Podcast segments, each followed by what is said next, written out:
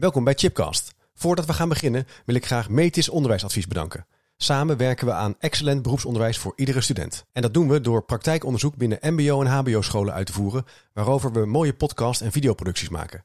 Kijk voor meer informatie op www.metis-onderwijsadvies.nl of check natuurlijk chipcast.nl. En vergeet ook niet de boekenkast van Chipcast te checken. Op www.managementboek.nl slash chipcast vind je alle boeken die in de podcastgesprekken voorbij komen. Welkom bij een nieuwe aflevering van Chipcast. Een podcastserie waarin ik op zoek ga naar verrassende antwoorden en nieuwe perspectieven op vragen die mij bezighouden. En in de studio is Charize Kaskens. Hoi Charize. Leuk dat je er bent. Ja, goedemiddag. We gaan het hebben over een uh, bijzonder proefschrift wat je hebt geschreven. En dat ga ik even kort introduceren. Jij bent uh, hoofddocent, onderzoek en projectleider bij uh, de Hogeschool Windersheim. En je bent in januari 2022 gepromoveerd op een onderzoek waarin de volgende vraag centraal stond. In hoeverre is het handelen, vakspecifieke kennis en competentiebeleving van leraren van invloed op de rekenontwikkeling van leerlingen? En wat is de invloed van rekengesprekken daarop? En dat vond ik erg interessant toen ik dat daarover hoorde. Ik heb gewacht tot de verdediging er was en het uh, proefschrift met interesse gelezen. Um, je bent bij Windesheim onderzoeker bij het lectoraat Leraren en Lerarenopleiders in inclusieve leeromgevingen. En je bent ook actief als docent bij de opleiding Master Educational Needs en de Master Learning and Innovation. Je doet nog wel veel meer, maar even ja, zo dat zijn de een synopsis van, uh, van wat je zo doet. Um, Leuk, we gaan echt even de wetenschap induiken en dit proefschrift induiken. Dat heb jij in januari dus verdedigd. Kan je ons even meenemen uh, hoe dat ooit begon? Want daar is misschien wel een ja. aanleiding uh, voor geweest. Ja, uh, zeker. Nou, wat mijn belangrijke drijfveer is, is dat ik eigenlijk heel graag iets gefundeerd wilde teruggeven of wilde geven aan het rekenonderwijs. En nou, ik loop al even mee in het uh, land van onderwijs. En ik ben ook uh, ooit wel werkzaam geweest als uh, toegevoegd onderzoeker bij de universiteit. Maar destijds was ik heel jong en ehm, ik wilde toen echt nog eerst veel meer ervaring opdoen. Veel meer te weten komen over het onderwijs en alles wat daarin een rol speelt. maar het bleef wel altijd een beetje kriebelen. In de zin hm. dat mijn interesse voor onderzoek altijd is gebleven. was destijds ook al aangewakkerd. Um, en ook wel de wens om iets gefundeerd uh, onderbouwd terug te geven. En toen kwam de mogelijkheid op een gegeven moment dat ik een promotiebeurs voor leraar heb bemachtigd. Nou ja, en dat geeft je dan iets meer ruimte om uh, wetenschappelijk onderzoek te doen. Ja. Um, nou, en binnen het lectoraat was er destijds al uh, uh, wel een start gemaakt, een zaadje geplant rondom rekengespreksvoering. En er waren ook heel veel andere vragen die ik had. Uh, nou, dan moet je het altijd weer versmallen als je wetenschappelijk onderzoek wil doen. Um, maar we hebben dus een heel mooi uh, onderzoeksproject kunnen starten en ook heel mooi kunnen afronden. En het heeft daadwerkelijk ook iets opgeleverd waar de praktijk iets mee kan. Ja, interessant. Daar gaan we het uitgebreid over hebben. En kan je iets vertellen? ja, dat, dat, dat begrip rekengesprek is eigenlijk wel even interessant. Ja. Kan je dat eens misschien toelichten? Dan kunnen we daarna de stap maken naar, naar, naar echt de, je onderzoek. Ja. ja, het onderzoek is inderdaad breder. Ja. Uh, ik merk wel dat zeg maar, de praktijk heel erg uh, dat rekengesprekken uh, oppikt. we komen straks wellicht nog op de zeg maar, andere aspecten van het onderzoek. Hm. maar twee studies die waren gericht op rekengesprekken. En wat zijn dat dan? Hè? het is eigenlijk een formatieve assessmentvorm. Uh, waarbij je in gesprek gaat met een leerling of meerdere leerlingen, kan ook. En uh, daarbij probeer je te achterhalen wat de onderwijsbehoeften zijn op rekengebied. Maar de focus is best breed, want je kunt natuurlijk uh, door goede vragen te stellen en door bepaalde technieken in te zetten, uh, kun je natuurlijk uh, achterhalen hoe goed een leerling rekent, maar ook um, wat voor andere factoren er een rol spelen. Denk daarbij aan hoe pakt een leerling een opgave aan, wat is de, het oplossingsproces, hè, welke manieren gebruikt hij om tot een oplossing te komen. Ja. Um, Natuurlijk andere aspecten ook, hè, want heel nadrukkelijk is er in dit rekengesprek, hoe dat is vormgegeven, ook aandacht voor het achterhalen van emoties, ervaringen. Um, hoe gaat het in de rekenles? Um, wat vindt een leerling lastig, leuk, et cetera? Dus je krijgt een veel breder uh, beeld van de leerling dan bijvoorbeeld met een standaard toets. Kijk. Ik ben niet tegen toetsen, uh, nee. maar ik denk dat uh, het wel heel erg verruimend en verrijkend kan zijn door met een aantal leerlingen dit soort gesprekken te voeren. Ja. ja. En dat was in het begin misschien al, was het een soort hypothese? Was het ook iets wat je dacht dat misschien wel zo zou kunnen zijn? Of? Ja, waar ik eigenlijk het meest nieuwsgierig naar was, is ik had al wel heel veel ervaring opgedaan en ook wel op andere plekken, bijvoorbeeld de professionele leergemeenschappen onderzoek gedaan. Maar dan natuurlijk nog niet wetenschappelijk. Maar mijn hypothese was eigenlijk in hoeverre zou nou, ehm, als je als leraar rekengesprekken voert, in hoeverre zal dat nou effect hebben ook op je uh, lesgeven? Dat was eigenlijk het meest, uh, vond ik de meest pregnante vraag, omdat ik dacht van ja, als je die input krijgt, dan kan het toch eigenlijk niet zo zijn dat dat niet doorwerkt. Maar ik wist dat niet. Uh, en als je het niet weet, dan moet je het echt eerst goed gaan onderzoeken. Ja. Dus dat betekent eigenlijk dat je, je voert een gesprek in de klas met een met één leerling, een clubje. En je zegt eigenlijk, dat zou moeten, dat, dat, dat, dat, dat levert informatie op. Misschien dat je denkt, hé, hey, wacht eens even, die, ja, de manier van optellen, ik noem maar even wat, of die staardeling, daar uh, maken ze een denkfout. Of, uh, en dat neem je mee in je instructie of in je hoe je verder eigenlijk je aanbod uh, ja. aanbiedt aan de klas. Dat zou je eigenlijk verwachten. Ja, dat ja. zou ik verwachten. Zeker omdat de, de manier waarop het, het rekengesprek is vormgegeven. Um, daar neem je de leerling ook echt actief mee in het meedenken, door echt goede vragen te stellen uh, en dus de leerling ook echt serieus te nemen als gesprekspartner. Um, uh, weet, je, weet je echt heel veel over mm. wat leerlingen vinden of denken. Mm. En uh, leerlingen kunnen vaak heel erg goed aangeven wat ze eigenlijk nodig hebben. maar we moeten het ze wel vragen. Ja. Dus we denken vaak, dat we het wel weten wat leerlingen nodig hebben. En het interessante is uh, dat uh, toch ook leerkrachten aangeven uh, dat ze echt nieuwe dingen horen. Of dat ze toch ook ten aanzien van beleving, dat er soms kleine dingen zijn die er enorm toe doen.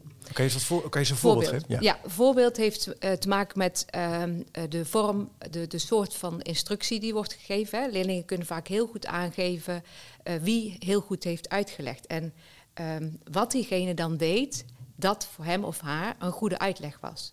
Zo noemen kinderen vaak ook uh, het op bord schrijven, uh, tekenen, et cetera. Dat dat iets is wat veel helpt, hè, vooral goede bordnotities. Um, maar ook ontdekken ze vaak zelf tijdens zo'n rekengesprek dat bijvoorbeeld het uh, heel goed noteren van uh, de, zeg maar het oplossingsproces of tussenantwoorden in hun notitieschrift, dat het heel belangrijk, heel belangrijk is. Ja. En als ze dat dan zelf um, eigenlijk ontdekken gedurende zo'n gesprek en uh, zo'n leerkracht vat het ook nog even samen, dan krijg je ook een soort van commitment met die leerling ja, dat hij ja, ja. of zij dat gaat je doen. Je bekrachtigt eigenlijk ook, hé, hey, dat werkt dus. En het wordt eigenlijk een soort uh, expliciete handeling. Je weet nu eigenlijk, oh ja, ik moet eigenlijk meeschrijven. Er zijn twee belangrijke punten die je eraan haalt. Even in het voorbeeld is dat bordwerk. Dus het bord goed gebruiken in de opbouw. Mm -hmm. En eigenlijk ook de leerlingen uh, uitdagen, verleiden, uh, opdracht geven om mee te schrijven. Ja. ja. Ja, en dus niet, we noemen het vaak kladblok of kladpapier. Ja, en ik ja. zeg vaak van nee, uh, hecht daar veel meer waarde aan. Dus ook aan het proces, hè, het oplossingsproces. Uh, door het, nou ja, ik noem het, nee, ik zeg ook vaak een gouden notitieschrift. Maar Prachtig. om even het, het, aan te geven dat dat belang, naar mijn idee, veel meer moet worden gewaardeerd ook. Zwaar, in dat kladboek, het is wel grappig, dat heb ik nooit zo aan gedacht. Het leidt ja, pak het maar even uit de papierbak. Hè, zo dat. Hè, ja, dat zie je soms ook op een dus het is niet zwaar. Het is niet niks waard, het is eigenlijk niet belangrijk. nee. En jij zegt net, het is heel erg belangrijk. Heel erg belangrijk, Om gestructureerd te leren schrijven te leren, en, en daarin je stappen ook te onthouden.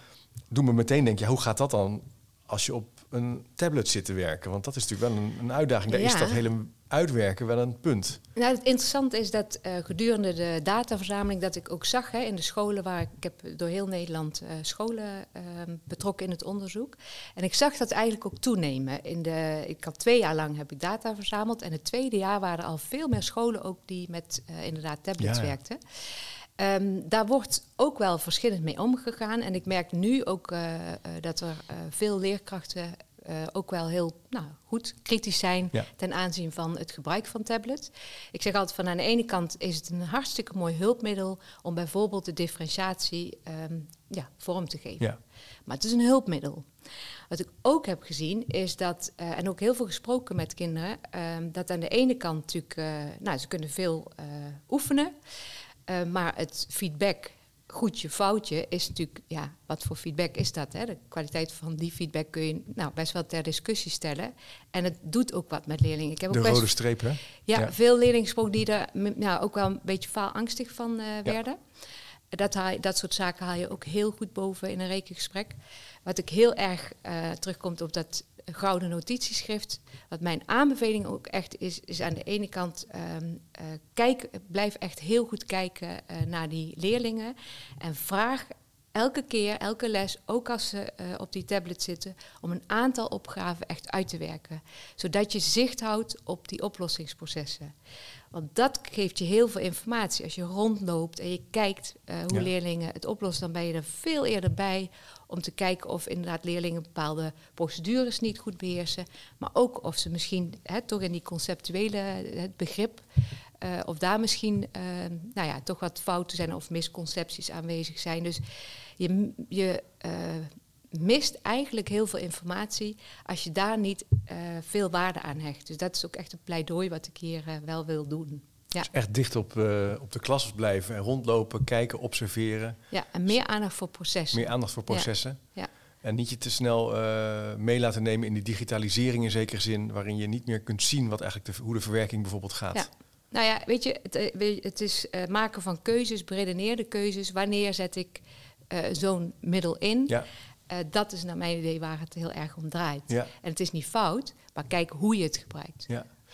Je zei net iets anders wat, me nog wel, wat ik nog even naar voren wil halen. Dat kinderen heel goed kunnen uitleggen wat ze ingewikkeld mm. vinden of wat ze goed vinden werken. Bijvoorbeeld het voorbeeld van mhm. het bord wat ze...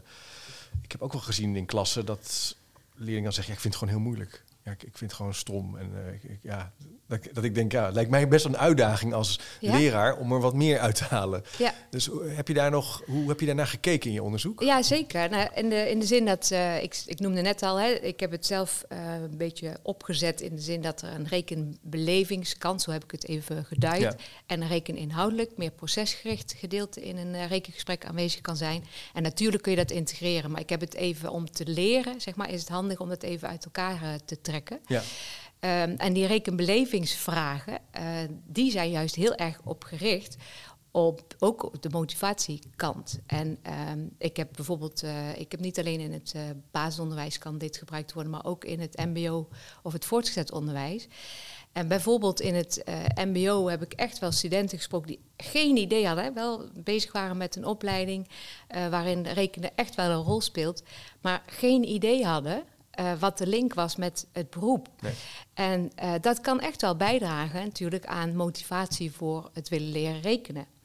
Uh, maar ook bij leerlingen, bij kinderen is dat het geval. En wat leuk is, vind ik om te merken, is ook als leraar of leerkracht in dat soort gesprekken ook de link weet te maken met interesses, bijvoorbeeld. of het beroep wat ze misschien ooit willen, of het beroep van de ouders of wat dan ook. of dagelijkse situatie in de sport. Ehm, dat dat wel heel erg ehm, ja, motiverend kan werken. Maar je merkt dus ook dat het goed is als leerkrachten dat in de rekenles en leraren in het, hè, dus ook het, uh, het VO en MBO, uh, eh, wel die koppeling maken, expliciteren. Hm. Um, we nemen vaak best wel veel aan. Hè? Dus we gaan uit dat leerlingen bijvoorbeeld de link leggen tussen materiaal en plaatjes, tussen wat ze aan het doen zijn tijdens ja. rekenles en uh, de gewone wereld. Ja, dat is niet altijd het geval. En die aanname is niet altijd het geval. Nee. En, um, ja. maar, uh, over dat punt van motivatie. Ik, je hoort ook wel eens mensen zeggen, ja, maar dat hele idee, ik wil niet zeggen dat motivatie hetzelfde is als leuk, hè, maar toch even dat, dat het leren tegenwoordig moet leuk zijn, moet de moeite waard zijn. Je moet dat is, vind ik soms ook, ook wel in zekere zin een beetje problematisch. Want het is natuurlijk niet altijd leuk. Het hoeft niet altijd leuk te zijn om er wel wat aan te hebben. Ja. Tegelijkertijd is het natuurlijk wel heel fijn als het de moeite waard is. Want het is heel duidelijk als je ergens bevlogen bij bent, dat het dan waarschijnlijk lekkerder gaat lopen. Hoe kijk jij daar? Dat is natuurlijk misschien een eeuwige discussie, maar. Nee. Hoe, hoe, leren is niet altijd leuk en het mag uh, frustreren. En het is ook heel erg goed om juist te ontdekken van, nou, je kan iets nog niet. Maar als ik me heel erg uh, inzet en ik luister heel goed naar de instructie, wat sommige leerlingen ook zeggen, ik moet veel beter luisteren naar de instructie, ja, ja. Uh, of ik moet meer oefenen, et cetera, dan kan ik wel iets leren. Um, doorzetten, leren dus karakterontwikkeling. Ja. Hè, dus dat is natuurlijk ook heel belangrijk binnen leerprocessen. En leren hoeft niet altijd leuk te zijn, nee. is ook niet altijd makkelijk.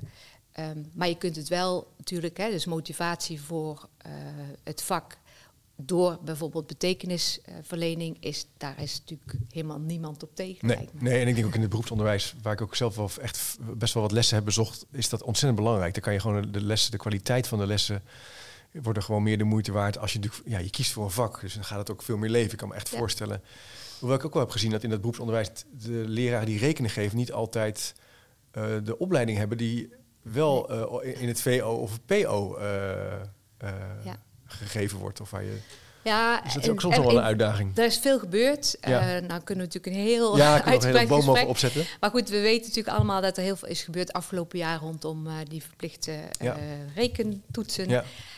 ik moet wel zeggen, wat ik nu zie, is dat in het MBO eigenlijk heeft zich wel heel krachtig ehm, ja, verbonden aan het rekenen. Uh, daar, daar, komen nu ook, uh, zijn groepen bezig met, uh, met examens, hè, die instellingsexamens, met portfolio voor de meest, ja, zeg maar de zwakkere rekenaars of de lagere niveaus. Um, dus daar wordt wel, vind ik, nog steeds heel veel aandacht aan het rekenen besteed. Uh, wat je zegt, hè, dat, uh, het aspect van sommige docenten hebben bijvoorbeeld een aantal uren over en die krijgen dan rekenen op het rooster. Ja, ja dat is natuurlijk niet wat bijdraagt aan kwaliteit. Um, dat, daar is men zich over het algemeen zelf wel van bewust, ook de docenten. Ze voelen zich dan ook soms best wel handelingsverlegen. Ja. Uh, maar goede scholen, en dat geldt eigenlijk voor elke, alle ja. onderwijssoorten, uh, die weten dat het nodig is ja. om uh, vakspecifieke domein, hè, kennis te hebben om goed rekenonderwijs te kunnen geven. Dat is ook uit onderzoek, ook uit mijn onderzoek wel weer naar voren gekomen. Ja, dat wordt wel weer onderbouwd. Ja. lijkt me heel belangrijk. Het speelt overigens ook bij Nederlands, zie je het ook nog wel. Tuurlijk, uh, maar goed, even bij rekenen. Ja. En uh, er zijn best wat luisteraars die ook echt zelf voor de klas staan. En die nu misschien denken, hé, hey, dit is leuk, zo'n rekengesprek. Dat uh, doe ik waarschijnlijk al wel. Want ik kan me voorstellen dat dit misschien al wel impliciet onderdeel is van je mm. repertoire. Maar hoe kan je dit nou, hoe kan je nou dit groter maken in je, in je klas? Hoe zou jij starten? Ja, ik denk dat inderdaad wat je zegt, heel veel docenten, leraren zullen dit al doen. In het klein wellicht of misschien al uitgebreider. Um, ik heb, ik heb een, uh, uh, door dat, zeg maar, dat te onderzoeken, heb ik ook uh, gezien dat leraren dit echt wel goed kunnen leren, mm -hmm. snel kunnen leren, daar beter in kunnen worden en er daardoor meer uit kunnen halen. Mm.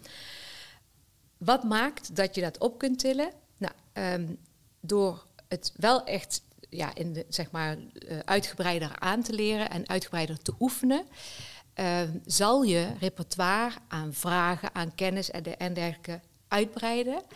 En um, als je iets vaker doet, en dat geldt natuurlijk voor alles, dan kan het zijn dat het ook iets is wat veel meer van jezelf wordt. Hè? Dus de, uh, je handelingsrepertoire breidt uit, dus, de, zeg maar de technieken die je kunt inzetten, ja. um, de, de vraagsoorten die je kunt gebruiken, dat breidt zich uit. Uh, dat kun je natuurlijk dan ook in je lessen, maar ook tussendoor meer gaan inzetten. Ja, dus oefenen en herhalen, dat is natuurlijk, ja. dat, dat helpt echt. Dat, dat zie je dus heel duidelijk terug waar ik wel aan toe wil voegen, dat wat ik echt heb gezien, en dat vond ik echt interessant in mijn, uh, zeg maar, ik heb een professionaliseringsprogramma en een oefenperiode gehad binnen mijn onderzoek.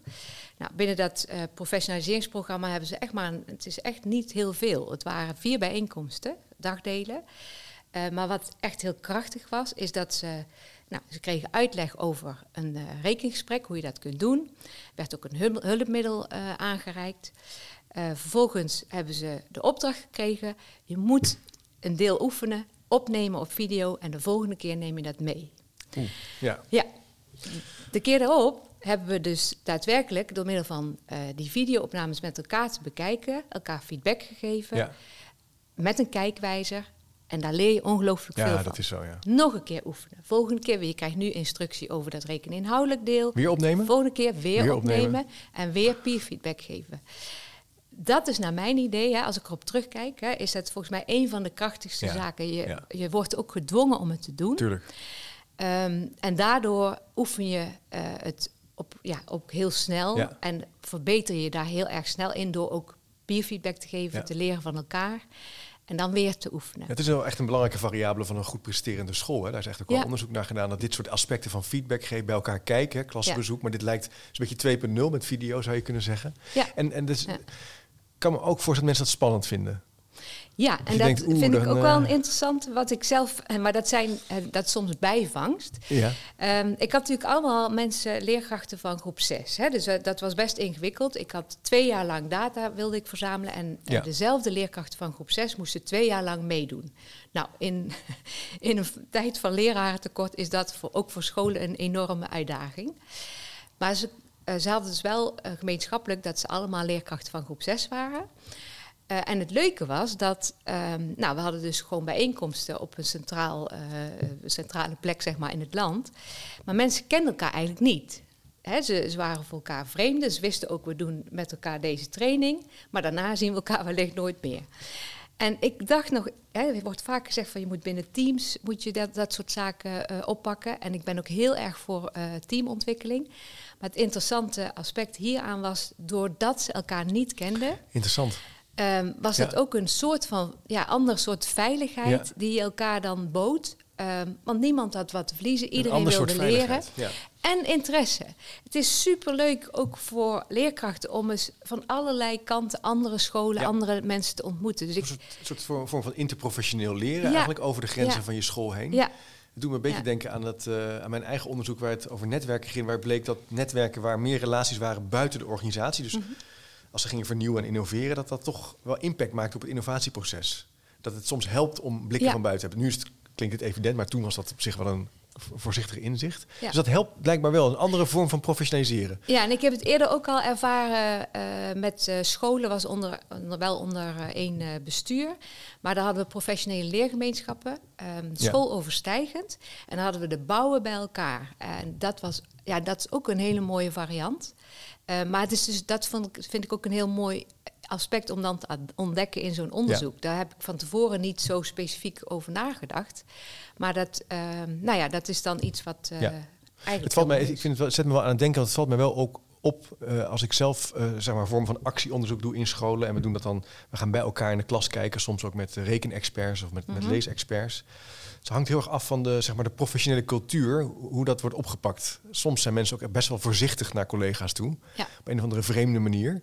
Uh, met een bijna tegenovergesteld effect. Want je wil graag feedback en dan ga je als daar een beetje eromheen draaien. En je wil toch een, een, vorm van veiligheid en vertrouwen hebben, maar wel kunnen zeggen wat je, wat je hebt gezien. En, ja. en hopelijk ook dat het leidt tot, tot nieuwe initiatieven, tot reflectie. Zeker. En ja. het kan op veel scholen. Ik, ik werk ook met ja. scholen waar dat gewoon, gewoon binnen het team wel prima kan. Maar uh, dit was gewoon een ja, toevallige ontdekking. Ja, ja, ja. ja die heb je, ook. ook echt gedaan. Hè? Een soort bijvangsten. Wat je ook in je proefschrift noem je dat ook zo. Hè? Soort, ja. soort, uh, kan je er nog wat, heb je nog andere van dat soort zaken op, op, de, op je netvlies? Um, het is toch wel heel grappig. Dat zo'n manier van kijken naar je onderzoek. Ja, nou ja, een van de uh, zaken die ook naar voren kwam was natuurlijk het zelfbeeld. wat belangrijk is, is om daar aandacht aan te besteden. En ook dat er een daadwerkelijke relatie is hè, tussen de geautomatiseerde basiskennis en het zelfbeeld ten aanzien van rekenen van leerlingen. Um, dus je, sorry, maar kan je, dat nog, kan je dat even uitleggen? Ja, nou ja, je kunt, hè, hoe vind jij, wat denk jij over jezelf ten aanzien van rekenen? Ja. Hoe goed jij bent ja. in rekenen? Ja. Nou, dat zelfbeeld ten aanzien van rekenen, dat wordt echt wel opgebouwd vanuit de ervaringen die je eerder hebt opgedaan. Dat, dat weten we ook. Oké, okay, ja. Dus je soort, uh, Jozef Kessels noemde dat een keer leeridentiteit. Uh, dat is een beetje anders. Van, ik ben niet goed in rekenen. Ik heb, het is, is nooit lekker gegaan bij mij en ik had altijd onvoldoende, zodat. Of ik ben ben er wel goed in. Ik, ja. ja. Oké. Okay. Nou, en het is natuurlijk logisch, als je in groep 6 gaat kijken, uh, dan hebben ze natuurlijk eigenlijk wel meer ervaring al opgedaan met die basisvaardigheden. In groep 6 hè, wordt natuurlijk uh, de complexiteit ja. groter. Er komen ook hè, nieuwe onderdelen bij. Dus dat is op zich best wel logisch. Maar het is da dat maakt wel mm. Dat we aan de ene kant kunnen zeggen van ja, uh, het, het, zelfbeeld, dat, hè, dat is er niet opeens. Dat uh, nee, is iets wat ontstaat op basis van die ervaringen. Je leven lang, hè? Dat Precies. stopt nooit. En nee. het, het, gaat dus, het belemmert wel de groei, hè, de ontwikkeling. Dus dat is iets wat uit mijn onderzoek wel is gebleken. Dus die stevige rekenbasis is echt wel heel relevant om, uh, omdat het ook hè, een cumulatief ja. geheel is. En dat maakt dus ook dat je je verder prettiger, beter kunt ontwikkelen ten aanzien van rekenen. Daar ja. kun je best veel toe doen. Dat is één van de zaken die bijvoorbeeld belangrijk waren. Maar een uh, heel ander soort bijvangst, um, of bij, dat is geen bijvangst, was gewoon een onderzoeksresultaat, is dat ik best wel verwonderd was over uh, bijvoorbeeld uh, de factor leerkracht. Um, die aan de ene kant kun je zeggen, nou, die vakspecifieke kennis in relatie tot zeg maar, probleemoplossingsvaardigheden, die kwam heel duidelijk naar voren. Hè, dus uh, dat mm -hmm. dat ertoe doet. Nou, dat weten we ook al wel vanuit eerder onderzoek, maar dat is hier wel ook heel erg bevestigd. Van, uh, het is niet zo eenvoudig om uh, bijvoorbeeld hè, die contextopgave, de CITO-opgave om als voorbeeld te noemen, uh, om daar op een goede manier hè, de, uh, mee bezig te zijn in de klas. Het vraagt uh, van leerkrachten kennis, maar het vraagt Zeker, ook ja. goede vragen kunnen stellen.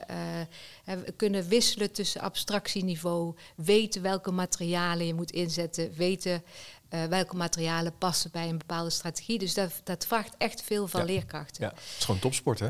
Ja, dat is echt, vraagt dat echt is veel. echt, ja. ja. Ik diep respect, altijd. Ja. eh, voor eh, al die mensen die dit elke dag voor een groep met zoveel verschillen tussen leerlingen eh, doen. Ehm, maar dat is wel iets wat dus een, eh, een factor is die van belang is. Nou, aan de andere kant zag ik natuurlijk ook hè, dat die rekengesprekken invloed hadden op die leerkrachtfactoren. Ehm, dus die input die je krijgt, Mhm. dat maakt inderdaad wel uit. Hè? Dus het, dat, eh, dat is mooi, denk ik, om dat ook eh, te constateren.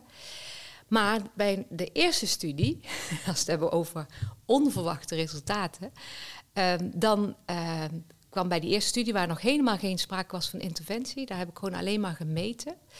Eh, maar daar kwam de leerkracht, ehm, het leerkracht handelen, was negatief gerelateerd aan de rekenontwikkeling van leerlingen. En dat, nou ja, daar heb ik echt gewoon weken over na zitten denken, hoe kan dat? Ja. Omdat alle onderzoeken eigenlijk eh, iets anders zeggen. En ehm, nou, daar hebben we natuurlijk ook heel veel met elkaar over gehad. Ehm, nou, mijn verklaring is aan de ene kant ook, hè, we hebben kwantitatief onderzoek gedaan in die studie.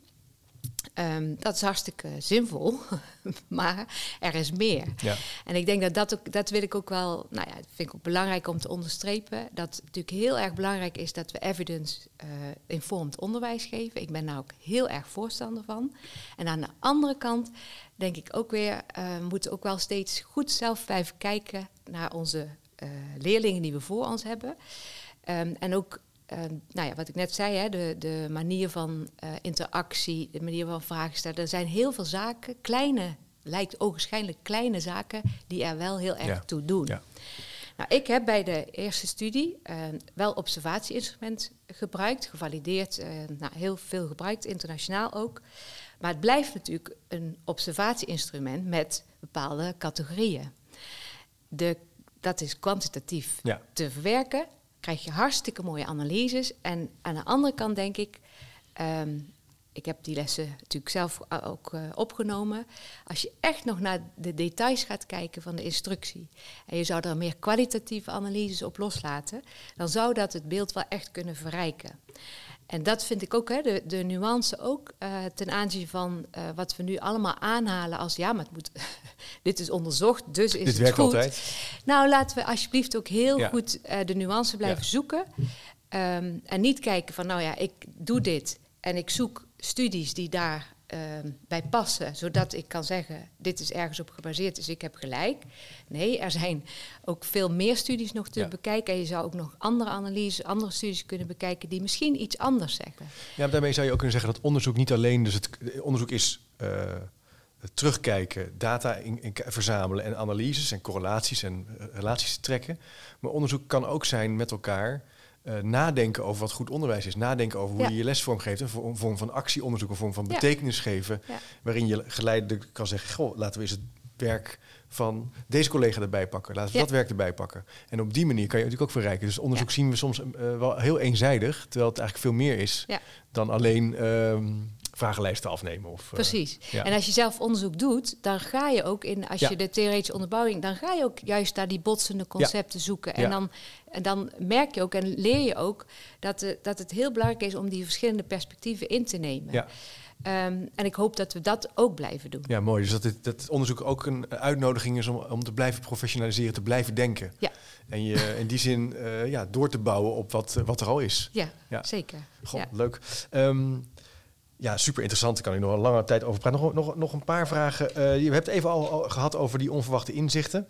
Ehm, wat is nou iets wat je nog beter wilt begrijpen? Ik, ik, ik, we hebben het net gehad over die kwalitatieve aanpak. He- Heb je zoiets van, nou, ik zou eigenlijk nog wel verder willen gaan met, met je onderzoek? Ja, je begint Ja. meteen ja te knikken. Nou ja, daar ben ik wel. Ik ik heb, eh, eh, zeg maar, ik heb heel veel nieuwe vragen gekregen. Ik denk dat elke onderzoeker dat Ja. heeft. Ja, Eh, dus nieuwsgierigheid blijft altijd wel aanwezig. Maar dat prikkelde mij wel enorm. Ehm, om juist die. eh, er, zijn, ook eh, zeg maar analysemodellen voor om, eh, om die kwalitatieve analyse uit te voeren. ja. Eh, en dat lijkt mij waanzinnig interessant. Ook om eh, echt nog meer toe te kunnen voegen aan eh, de, nog preciezer zeg maar, de vinger leggen op wat doet er nou toe Ja. in die lessen. Ja. Ehm, dus dat. En aan de andere kant ben ik ook alweer verder gegaan. Want ik heb in, uh, in mijn uh, promotieonderzoek heb ik in uh, studies naar die rekengespreksvoering met name ook gekeken, is het een effectieve aanpak? Ik heb toen ook in, heel erg gefocust op de zwakke rekenaars. Maar ik heb ook juist heel veel gesprekken laten voeren met gemiddelde en sterke rekenaars. En inmiddels heb ik de gesprekken ook met de sterke uh, rekenaars geanalyseerd.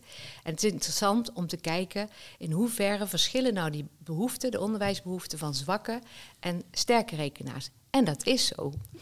Uh, zo noemen bijvoorbeeld sterkrekenaars ook best nog vaak dat ze veel meer uitdaging nodig hebben, ja. uh, om maar iets te noemen. Ja, het is natuurlijk makkelijk voor ze. Ja, maar ook houdingsaspecten. Veel te snel, uh, ook eh, niet goed kijken naar wat er eigenlijk staat, maar hup, we gaan aan de slag. Dat ze dat zelf hebben, ze hebben ja. dat ze te snel zijn, omdat ze toch eigenlijk wel snappen en denken, nou huppakee. Ja, nou ja, we ontdekken oh, dus dat, dat die vlieger ook niet opgaat, ook niet als je heel goed kunt rekenen. Uh, dus dus uh, nou ja, dat zijn dus die de nadere analyses. En ik maar zijn eigenlijk ook gesprekken, uh, leergesprekken. Zeker, dus eigenlijk ook, ja. ook, dat herken ik zelf ook. Als je vertraagt en goed gaat ja. kijken naar je handelingsrepertoire, ja, dat is, kan heel weldadig zijn. Dan kan je heel veel uithalen. En dat kan dus eigenlijk in verschillende niveaus. Kan je daar eigenlijk zou ook in differentiëren in zekere zin in de klas. Ja, dus ik ben al verder gegaan, maar dat zijn wel zaken die, ja, er liggen echt nog heel veel vragen. Maar ik met name toch wel nog meer zicht krijgen op wat er nu precies werkt. En ik. Uh, ook de nuance aan, ja, die wil ik dan ook wel aanvoeren. Uh, dat is genoeg onderzoek uh, over bepaalde aanpakken. Maar als we kijken naar die meta-analyse review studies, dan kunnen we ook echt wel concluderen dat er niet één aanpak is die werkt. Maar het gaat om die goede leerkracht, hm. het goede onderwijs. en daar, daar ja, er zijn dus inderdaad wel wat combinaties van uh, ja. methoden uh, te ja. bedenken die. Jij zou dus niet zeggen dat het, het expliciete directie-instructiemodel uh, dat, dat, dat die het sterkst correleert met, met leerresultaten van kinderen. Want dat wordt wel vaak natuurlijk gezegd, misschien ook wel vaak door de mensen die graag daarmee werken. Ben benieuwd ja. jij daar nou, nou naar ja, kijkt. Dat, daar zit, daar, naar mij is daar inderdaad een wat bredere blik op nodig. Ik denk dat expliciete directe instructie uh, op uh, bepaalde momenten en voor bepaalde zaken supergoed is en heel belangrijk. En zeker ook bij zwakke rekenaars weten we dat ook vanuit heel veel onderzoek. Maar die vliegen gaat naar mijn idee ook niet altijd op. Want als je leerlingen echt ook uh, wil laten nadenken over zaken. En nou, we hebben het net ook al gehad over de betekenisverlening. Um, in, en het rekenen koppelen aan betekenisvolle situaties, aan echt probleemoplossingsvaardigheden ontwikkelen. Ja. Dan moet je dat niet doen, want dan sla je denken, naar mijn idee, juist zeg maar, ja, ja. Uh, dood. Of dus je moet uh, kijken weer, denk ik, of moet, je moet niks. je zou kunnen bedenken dat je afhankelijk van het doel kijkt welke instructie dan passend ja. is. Ja, dus je hebt eigenlijk een rugzak met, met manieren van lesgeven. Ja. En je moet goed in die, en die gesprekken zijn dus heel behulpzaam om eigenlijk te snappen, hé, hey, dan moet ik dit doen. Op die manier moet ik mijn les opbouwen. Wat leuk, je hebt nog wat dingen meegenomen. Uh, wat ja. boeken, hè, behalve natuurlijk je proefschrift. Ik zal het even ook in de speaker notes even doorlinken. Maar ik zie ook een boekje van, van Pika liggen, onder andere. Ja. Uh, ja. Kan je het even de titel voorlezen? Ja, het heet rekengesprekken voeren. Ja, precies. Nou, een praktische aanpak om de onderwijsbehoeften van leerlingen te achterhalen. Kijk. Nou, dat is eigenlijk precies wat het wil zijn. Ja. Um, nou, dit boek heb ik in 2018 um, wilde ik het echt nog schrijven. Want er lag al een conceptraamwerk wat ik in mijn onderzoek heb gebruikt. Ik heb twee jaar lang data verzameld. En toen dacht ik van, nou, ik, heb nog, ik ging nog niet analyseren, want daar moet je natuurlijk heel zorgvuldig in zijn. Hè. Je kan niet uh, natuurlijk een, een, boek gaan schrijven als je onderzoek nog niet afgerond is. Um, maar ondertussen had ik natuurlijk, al, dat raamwerk was al ontstaan door jarenlang um, in de praktijk ermee bezig zijn, ja. et cetera. Ja. Nou, door, de, door het onderzoek had ik natuurlijk nog veel meer in mijn hoofd van, oh, dat kan er nog in of dat is belangrijk. En toen dacht ik, ja, ik kan nu wachten. en wachten tot alles afgerond is. En misschien heb ik dan helemaal niet meer de moed of de zin of de energie om er nog iets voor de praktijk uh, voor te schrijven. Eigenlijk moet ik het nu doen, want ik vind dat het veld echt. Dit is ja, het moment. Ja, dit is het moment. Ja. Dus toen heb ik in de zomer heb ik mijn hoofd leeggemaakt. Zo. en toen uh, dit boek geschreven. En ik, ja, ik ben ook heel blij dat ik dat toen heb gedaan. Want het is inderdaad wel zo dat zo'n proefschrift, uh, dat is best wel een hele uitdaging ja. om dat af te ronden. Ja. En uh, bovendien had het veld dan nog langer moeten wachten op iets wat eigenlijk al wel kon worden geschreven.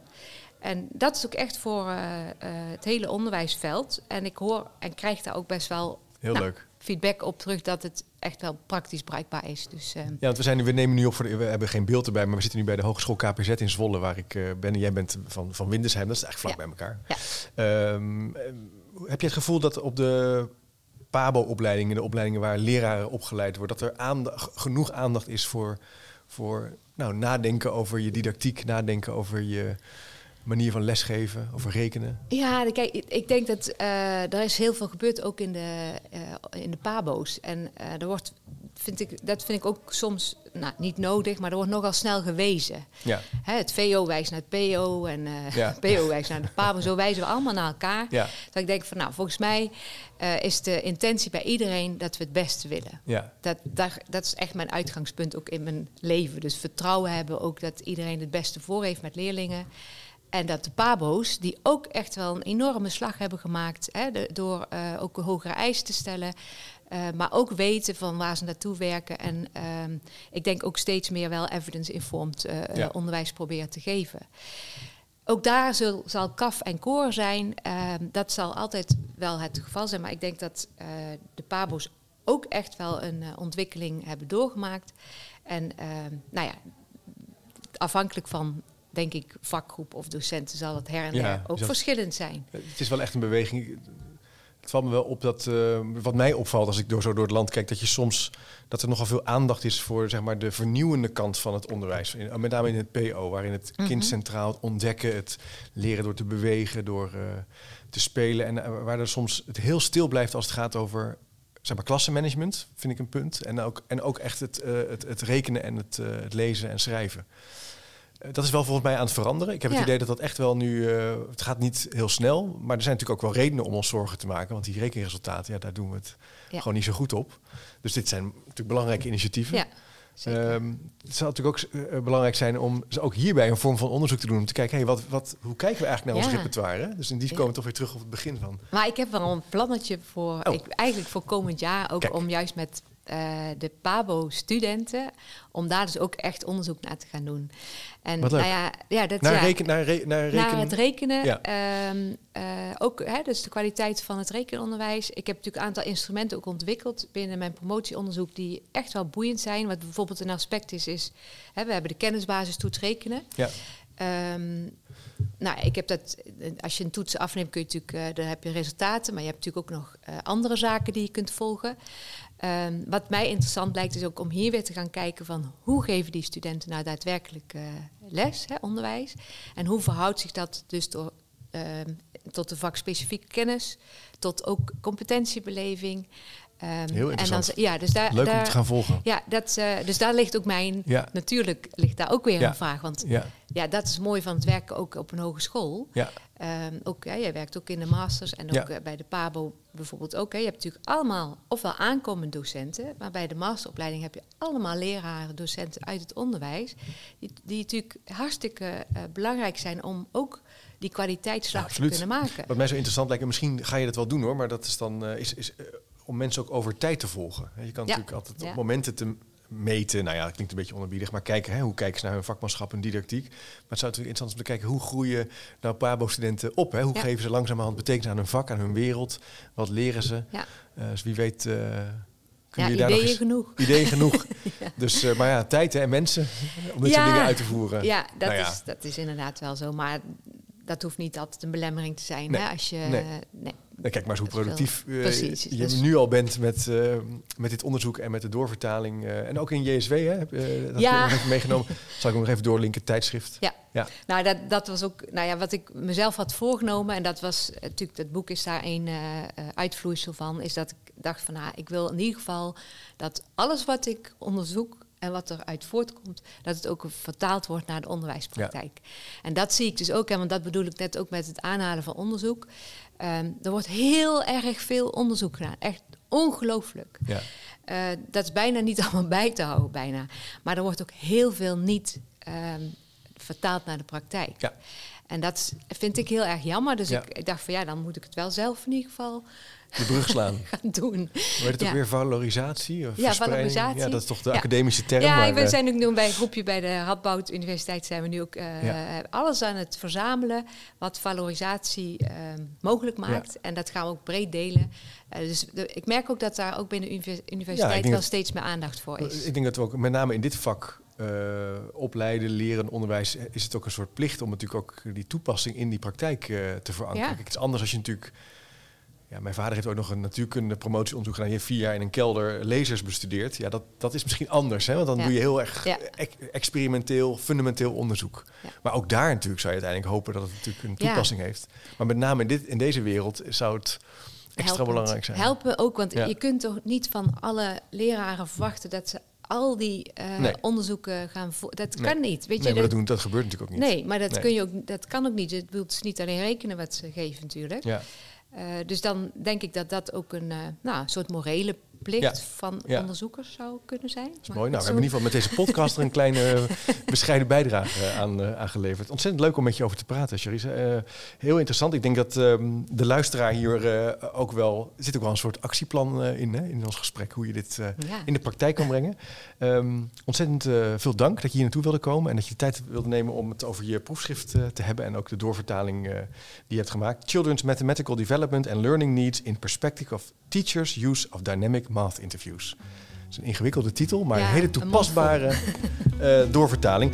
Uh, beste luisteraar, als je de speaker notes nog even wil zien, ga dan even naar chipcast.nl of kijk op de podcast. Daar vind je natuurlijk ook uh, meer informatie en linkjes. En als je de nieuwsbrief wil ontvangen, dan kan je dat doen via chipcast.nl slash doe mee. En dan krijg je hem elke twee weken gratis even niks in je mailbox. Dankjewel voor het luisteren en tot de volgende keer.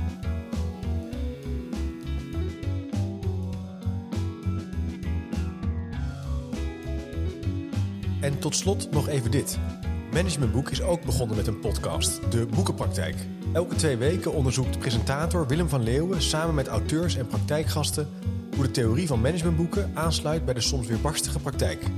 Beluister de Boekenpraktijk via je favoriete podcast-app of ga naar www.managementboek.nl/podcast.